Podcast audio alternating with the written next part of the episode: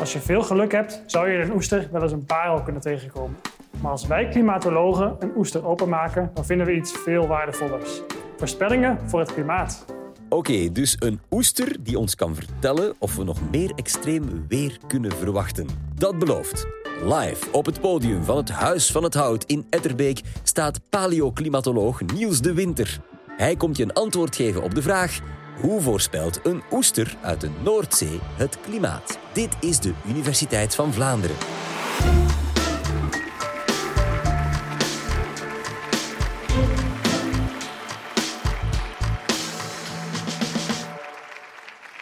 Dodelijke overstromingen in België in de zomer van 2021.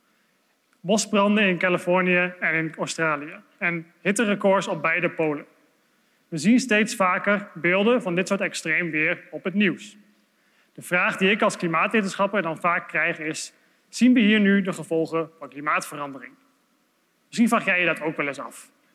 En wat nu als ons klimaat verder opwarmt? Wordt ons weer dan nog gevaarlijker? Voor een klimaatwetenschapper zoals ik is dat best een moeilijke vraag om te beantwoorden. Er is namelijk een verschil tussen het weer en het klimaat. Het weer verandert heel snel. Dat is hoe het er nu buiten uitziet. Het regent, het onweert of de zon schijnt. Maar het klimaat, dat is het gemiddelde weer over 30 jaar.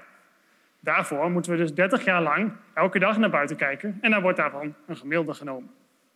Zoiets gaat natuurlijk veel langzamer. De relatie tussen klimaatverandering en extreem weer wordt steeds duidelijker. Maar hoe ons weer en onze seizoenen van de toekomst eruit gaan zien, daarover is nog veel onduidelijk. Dat komt voornamelijk omdat onze weermetingen maar teruggaan tot ongeveer het jaar 1830. En het klimaat van onze toekomst gaat fundamenteel anders zijn dan dat van de laatste 200 jaar, namelijk veel warmer.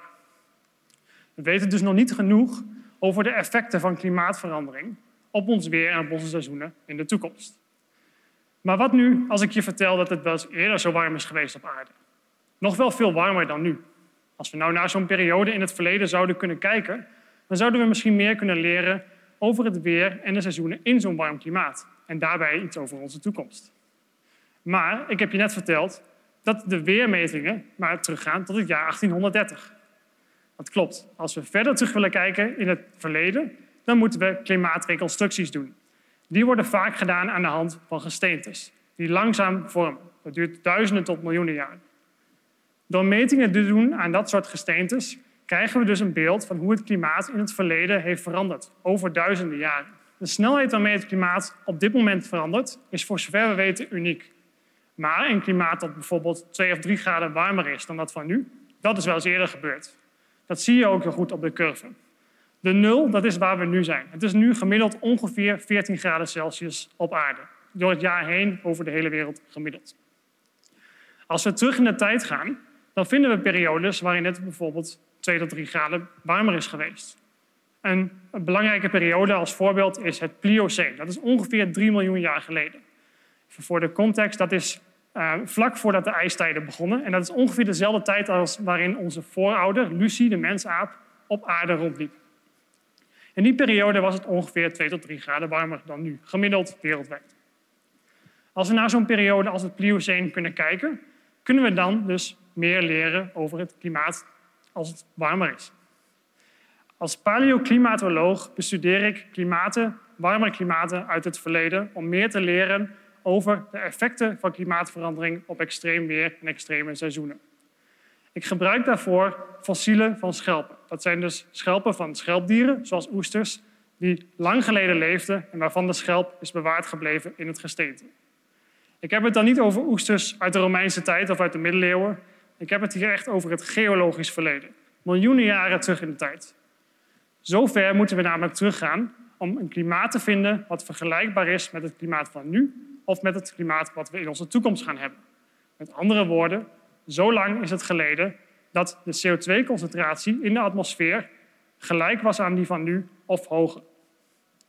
Door metingen te doen aan die fossiele schelpen en dat te combineren met wat we weten over het klimaat van nu, kunnen we onze modellen van het klimaat van onze toekomst verbeteren en daarmee betere voorspellingen doen voor onze toekomst. Met andere woorden, het verleden is de sleutel tot de toekomst. Maar hoe kan een oester ons nou iets vertellen over het klimaat? Dat kan ik jullie uitleggen, want ik heb er eentje meegenomen. Kijk, het is een mooie moderne oester uit Frankrijk. En tijdens het leven van het diertje bouwt deze oester zijn schelp laagje voor laagje op. Je kunt dat een beetje zien als je dichtbij zit en je kunt het bekijken. Als we deze oester zouden doorzagen, dan kunnen we die laagjes in het doorsnede bekijken. Een beetje zoals de ringen van een boom. Als je zo'n boom doorzaagt, dan betekent elk laagje staat eigenlijk voor één jaar van groei in zo'n boom.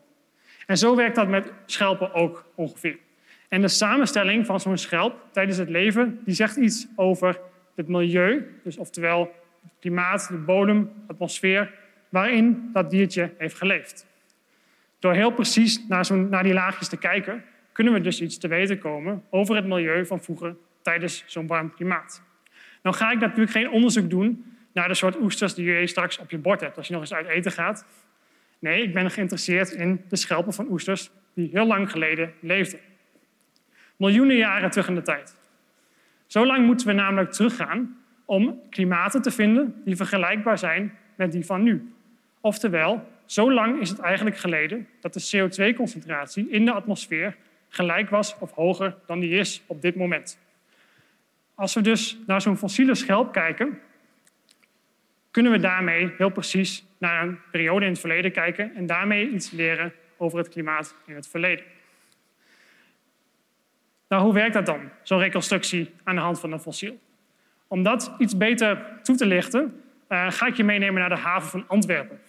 Misschien een beetje een gekke plek om te beginnen voor een uh, klimaatreconstructie. Maar onder Antwerpen, daar bevinden, en onder de rest van Vlaanderen ook trouwens, daar bevinden zich zandlagen en die zitten vol met mooie fossiele schelpen. Als de haven van Antwerpen wordt uitgebreid, dan graaft men door die zandlagen en dan komen wij geologen die fossiele schelpen daar verzamelen. Ik heb hier een heel mooi voorbeeld van een fossiele oester. Deze is 3 miljoen jaar oud en die komt onder uh, Antwerpen uit zo'n zandlaag. Normaal gesproken wordt een oester in het wild, als je hem laat doorleven en niet opeet, ongeveer 20 jaar oud. Maar er zijn ook schelpdieren die tot wel 500 jaar oud kunnen worden.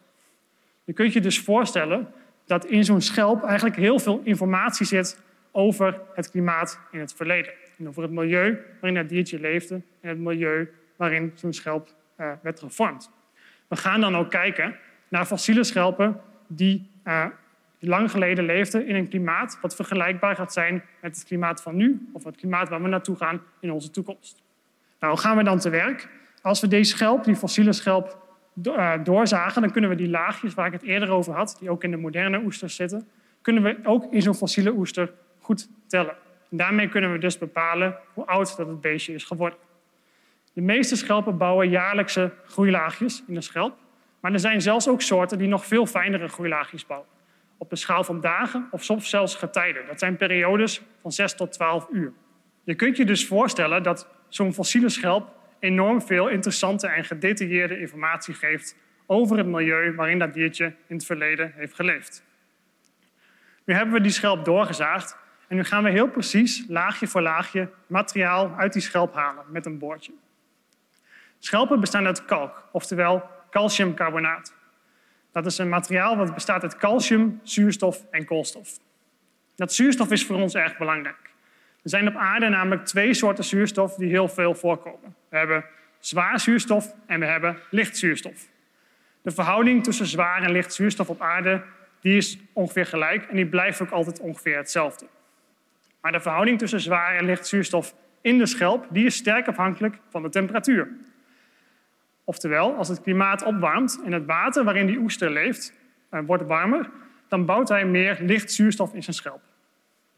Als het water afkoelt, bijvoorbeeld als het klimaat afkoelt of als het winter is, dan bouwt hij meer zwaar zuurstof in zijn schelp. En dat kunnen we meten, ook in die fossiele schelpen van miljoenen jaren oud. Nou, wat meten we dan precies? Die zuurstofmetingen die geven ons dus een beeld van de temperatuur tijdens het leven van het diertje. Ze geven ons een beeld van de gemiddelde temperatuur tijdens de leeftijd van zo'n oester. Maar zoals ik je eerder zei, bouwt zo'n oester juist laagjes heel fijn. En kunnen we daarmee ook, als we heel precies samplen, heel precies stalen nemen, ook iets leren over hoe de temperatuur veranderd heeft tijdens het leven. Dat geeft ons informatie bijvoorbeeld over de verschillen tussen zomer- en wintertemperatuur. Of als we geluk hebben en heel precies werken, zelfs over temperatuurschommelingen die komen door het weer. Reconstructies, wat hebben we daar nou precies aan? Wat kunnen we nou precies met die reconstructies? Zo'n fossiele schelp is natuurlijk geen buienradar. Hij gaat ons niet vertellen of het morgen gaat regenen of of morgen de zon schijnt. Als we het klimaat van de toekomst willen voorspellen, dan moeten we klimaatmodellen maken. Modellen voor de toekomst. En die modellen moeten we testen. Om te zeker te zijn dat de modellen ook daadwerkelijk het warme klimaat van onze toekomst goed kunnen voorspellen. En dat is waar onze reconstructies juist zo belangrijk worden. We hebben namelijk gegevens nodig uit een warm klimaat om te testen of onze modellen dat warme klimaat ook daadwerkelijk goed kunnen uh, voorspellen en simuleren. En dan gaan we even terug naar de temperatuurcurve om uit te leggen waarom dat uh, zo goed belangrijk is. Hier zie je dus dezelfde temperatuurcurve terugkomen. En we gaan weer terug naar die ene periode, 3 miljoen jaar geleden. Dat Pliocene, dus vlak voor de ijstijden. Ongeveer uh, 2 tot 3 graden warmer was het toen gemiddeld op aarde. Die gele wereldbol aan de bovenkant van de slide die geeft eigenlijk weer uh, wat het klimaat in het Pliocene in die tijd ongeveer was, dus de temperatuur. En die lijkt heel erg op die gele wereldkaart die we rechts onder in de slide zien. En dat is een resultaat van een klimaatmodel van de toekomst. Dat model is gelopen of gerund, gesimuleerd voor een klimaatscenario met milde klimaatverandering. Dat wil zeggen dat we er hierbij vanuit gaan dat de CO2-concentratie op aarde ongeveer gelijk blijft. Je ziet dat die twee heel erg op elkaar lijken. En dat laat dus zien dat dat Pliocene een heel mooi testscenario is om te zien wat voor soort klimaat gaan we krijgen als onze CO2-concentratie ongeveer gelijk blijft. Nou, wat gaan we nu doen? We gaan dat model wat die voorspellingen maakt, gaan we eigenlijk gebruiken om het klimaat in het Pliocene opnieuw te voorspellen. Dus het klimaat van 3 miljoen jaar geleden. We simuleren als het ware het klimaat van die warme periode. Waarna gaan we de resultaten van dat model vergelijken met de metingen die we kunnen doen aan die schelpen die daadwerkelijk in dat Pliocene geleefd hebben. Die hebben allemaal gezien wat er toen uh, aan klimaatverandering is gebeurd. Als dat, die gegevens van dat model goed overeenkomen met de metingen uit onze schelpen, dan zijn we blij, want dan hebben we een goed model wat ook op weer en de seizoenen in een warm klimaat goed kan voorspellen. Maar als we een verschil zien tussen de modellen en de metingen, dat betekent dat vaak dat we aan onze modellen nog iets moeten schaven. En dan zijn die modellen nog niet nauwkeurig genoeg om ons klimaat goed te kunnen voorspellen. Je ziet dus, nogmaals, dat het Pliocene, zo'n periode uit het verleden, een ideaal testscenario is om die modellen beter te maken, om te trainen, om het klimaat in ons Noordzeegebied beter te voorspellen. En we zien dan ook dat in onze beste modellen, dat, het, dat het daarvoor wordt, daardoor wordt voorspeld dat het water in de Noordzee nog met enkele graden zal gaan stijgen. Ook al blijft de CO2-concentratie gelijk. Want dat is wel onze aanname. Als de CO2-concentratie verder stijgt, bijvoorbeeld doordat we meer CO2 uitstoten, dan moeten we op zoek naar een andere klimaatperiode of een andere periode met een nog warmer klimaat met een nog hogere CO2-concentratie. En die periodes hebben we ook, zoals je ziet op de klimaatcurve. We kunnen verder teruggaan in de tijd en dan vinden we periodes waarin het tot wel 10 graden warmer was dan nu. Natuurlijk moeten we daarnaast ook het experiment met de schelpen gaan herhalen uh, op andere plekken op de wereld. Want het klimaat is niet overal hetzelfde. Kortom, in conclusie, hoe kan een oester ons helpen het klimaat te voorspellen? De fossiele oester, van wat ooit een levend diertje was, miljoenen jaren geleden, geeft ons informatie over hoe het milieu en het klimaat heeft veranderd tijdens de leeftijd van dat diertje. Met die gegevens kunnen we onze modellen, waarmee we het klimaat van onze toekomst beter voorspellen, verbeteren. En daarmee kunnen we ons beter voorbereiden op ons extreem weer en de extreme seizoenen in onze toekomst. Oesters van onschatbare waarde en dus niet alleen voor de smaak en de parel. Dat is duidelijk geworden. Maar hoe zit dat nu met het klimaat in de toekomst? Wordt het pokkenheet of moeten we ons net voorbereiden op een nieuwe ijstijd? Scroll even terug naar aflevering 201 van deze podcast met klimaatwetenschapper Wim Thierry. Hij legt het met hart en ziel uit. Heel graag tot daar of tot een volgende keer.